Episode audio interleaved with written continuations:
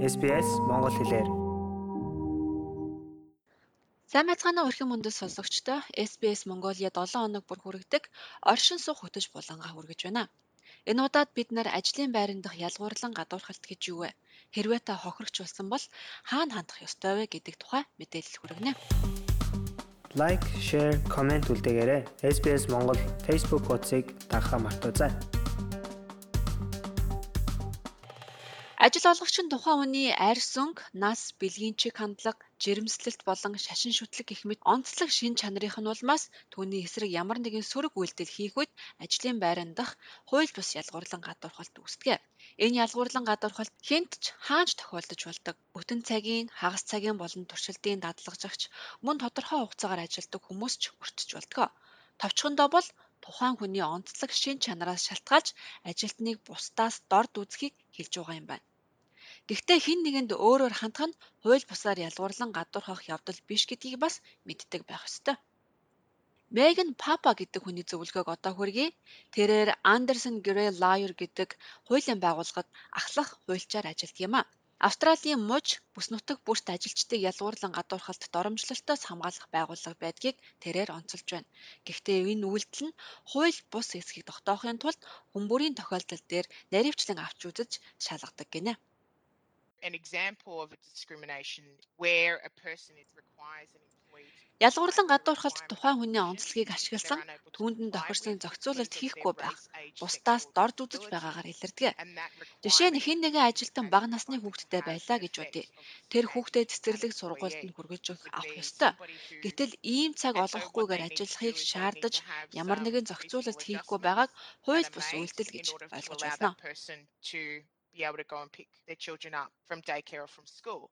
Иймэрхүү гэр бүлийн нөхцөл байдлынхаа тухай ажил олгогчдоо мэдэгдэж ямар нэгэн зохицуулалт хийхийг хүсэж байх ёстой. Гэтэл ямар ч аргагүйгээр ажиллахыг шаардаж хэрвээ ажлаа орхиж явж хүүхдээ авснаас болж хариуцлага тооцох болсон бол энэ нь хууль бус үйлдэл болох юм а. Ажиллах салбараас хамааран байдал янз бүр байгааг тогтоосон байна санхүү үйлчилгээний салбарын ажилчид илүү олон талд байдал анхаарал хүртдэг байхад үйлдвэрийн салбарын ажилчид хамгийн бага дэмжлэг хүлээж авдаг байна.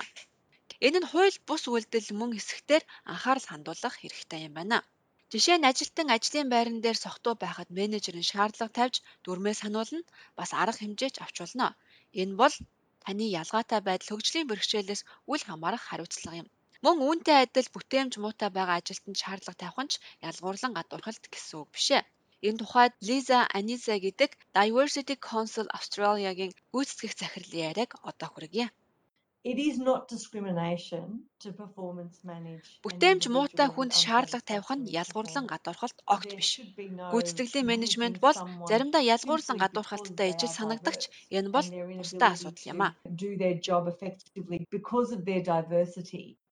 Харин одоо хэрвээ та өөрийгөө ажлын байрандаа ялгуурлан гадуурхалтад өртсөн гэж үзэж байвал яах ёстой талаа мэдээллийг хүргье. Хадагтай Папагийн хэлж байгаагаар та юуны өмнө удирдах албан тушаалтандаа хандах хэрэгтэй. Хэрвээ тэд энэ талаар арга хэмжээ авахгүй, хайхрахгүй байгаа бол мэрэгжлийн зөвлөх олох хэрэгтэй гэж байна. Хэрвээ энэ асуудлыг ажлын байранд шийдвэрлэх боломжгүй бол би хүмүүст хөдөлмөрийн хуульч, ялгуурлан гадуурхалтын эсрэг хуульчаас зөвлөгөө аваарай гэж хэлмээр байна. Эсвэл үйлдвэрчний эвлэлийн гишүүн бол тэдэндээ яаралтай ярилцахыг зөвлөж байна. Ер нь хүмүүст Австралийн ялгуурлан гадуурхалтын тухай хуулийг сайн мэддэг байх ёстой. Тэрээр ялгуурлан гадуурхсан тухай нэхэмжлэлээс гарч болох өөр өөр үр дүнгийн тухай заримыг нь онцлон ярьж байна.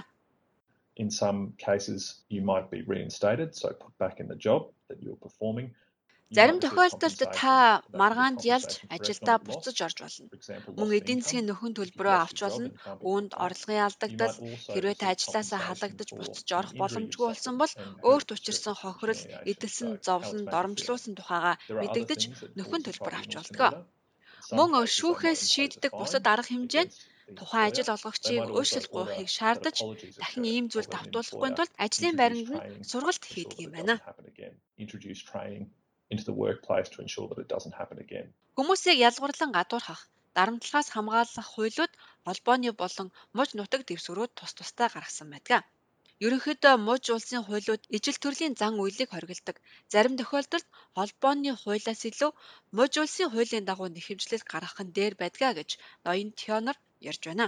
Diversity Council-ийн гүйцэтгэх захирал Лиза Аниса төгсгөлд нь ингэж хэлж байна.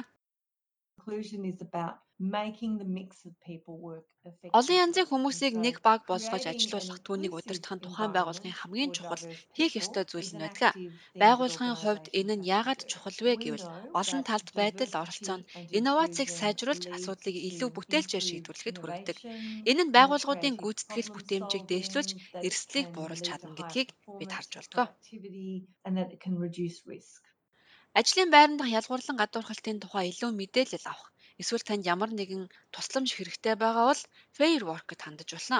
Энэ байгууллагын вебсайтыг бид нэвтрүүлгийнхаа доод хэсэгт орууллаа. Харин утасны дугаар нь 13 13 94 дугаараар холбогдож болно. Хэрвээ танд хэлний тусламж хэрэгтэй байвал 13 14 50 дугаарын утсаар орчуулга үйлчилгээ авч болдог шүү.